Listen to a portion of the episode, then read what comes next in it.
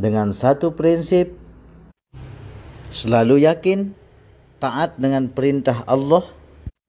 Cari solusi dalam ketaatan. Yakin berdoa dan ikhtiar. Pasti bisa dan kita pasti terlepas dari semua problem hidup ini. Assalamualaikum warahmatullahi wabarakatuh.